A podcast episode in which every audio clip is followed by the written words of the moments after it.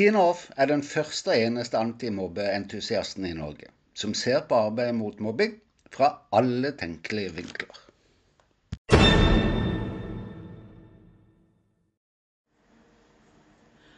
Alle vet at systemer bare er så gode som effekten av dem er. Hva betyr det i kjølvannet av mobbing i skolen, og systemet som er skapt for å beskytte barna? En tydelig effekt er bagatellisering. Å oppleve seg bagatellisert gjør noe med en. Det gjør noe med oss voksne. Og gjør det det, må vi kanskje være villige til å tenke at det kanskje gjør noe med barna også. Ikke bare det, men bagatellisert etter å ha opplevd mobbing. I en situasjon hvor utrygghet og før voksne får fingrene ut og faktisk skaper de rammebetingelsene for gode hverdager igjen. Ja, for det er barnet som skal få hjelp, ikke sant? Det er derfor systemet er oppretta. Vi glemmer ikke det i møtene mellom voksne. Klart vi kan snakke om det. Velkommen til episode to i sesong to. Det er jammen ikke bare bare for barn å si fra til voksne om at de opplever mobbing. Det som venter dem etterpå, er nemlig tidenes lengste ventetid. Først skal de vente på at foreldrene møter skolen, og skolen gjør sine undersøkelser. Da har det allerede gått en mandag, en tirsdag, en onsdag, en torsdag, en fredag og en helg. Jeg tror vi må tenke på det slik. Altså hva det faktisk betyr for barna. En uke har jo mange timer. 168 for å være nøyaktig. Så vi snakker om 168 timer med utrygghet, frykt for hva som kan skje, trolig fortsatt episoder med mobbing osv. Det er før noe som helst skjer for barnet, men fristen skolen har på å kalle foreldrene inn til det første møtet. Ok, Så la oss hoppe da til de langvarige sakene, hvor tiltak er gjennomført. Mange voksne er involvert, men barnets bedring lar vente på seg. Ganger vi antallet timer i uka med fire, slik at vi får én måned, som jo er superduper kort i mobbesaker, har barnet venta i 600 og 72 timer. Et halvt år utgjør 4032 timer, og et år det dobbelte. Når vi da snakker om langvarige saker, kan vi fort snakke om flere år. La oss si tre år, bare for å ikke drepe oss sjøl helt her. Da snakker vi om 24 000 timer. Og så gir det meg den helsepersonen som sier at dette er en god ting eller er bra for barn og unge. Forstår du nå hvorfor jeg tyter og maser om at tida spiller en stor rolle i arbeidet mot mobbing? I saksbehandlinga og rett og slett i det å få fingrene ut og faktisk hjelpe barnet. Av akkurat samme årsak så er jeg litt ekstra opptatt av effektiviteten.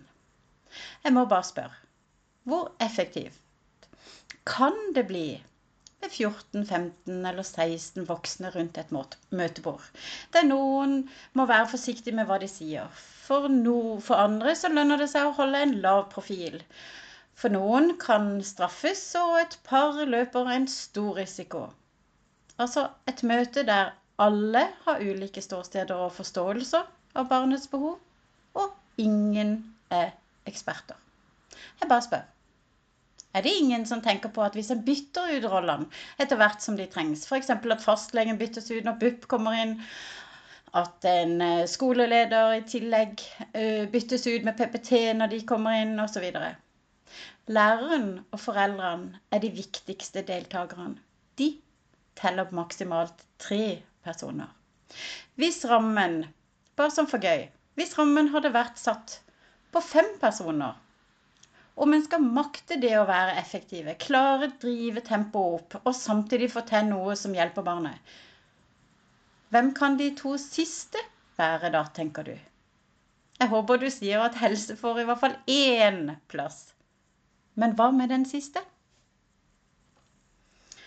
Alle vet hva som ligger i bagatelliseringsbegrepet. Jeg trenger ikke forklare det nærmere, men bare poengtere at vi kanskje ikke tenker så ofte på at tida også kan være en av faktorene i begrepet. Derfor tar jeg det opp. For ventetiden er helt hinsides for et barn som sier ifra om at det opplever mobbing. Kanskje er det den største formen for bagatellisering vi utsetter barna for i mobbesaker. Vente på at vi skal komme i gang. Vente på at vi skal bli enige om hva som har skjedd. Vente på at vi skal finne på et tiltak som fungerer. Igjen og igjen og igjen. Vente på at kranglinga eller kampen mellom de voksne gir seg.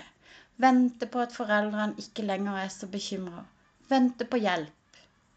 Og så vente på at dagene igjen blir solfylte, gode med venner, uproblematiske og trygge. Da blir det kanskje ikke så vanskelig å forstå at situasjonen kan bli uholdbar for barnet.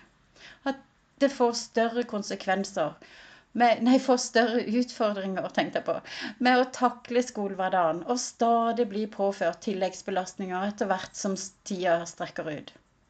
Kanskje er det heller ikke så rart at nesten halvparten av barna og unge ikke sier ifra til voksne om at de opplever mobbing. Nei, jeg tror vi må begynne å se utenfor oss sjøl. Ikke tenke så mye på vår egen stolthet, men rette fokuset tilbake på barna og vise dem at vi kan bedre enn det vi gjør i dag. Vi voksne, du og meg, vi klarer oss jo alltid, men det gjør ikke barna. Det er litt å tenke på. God uke!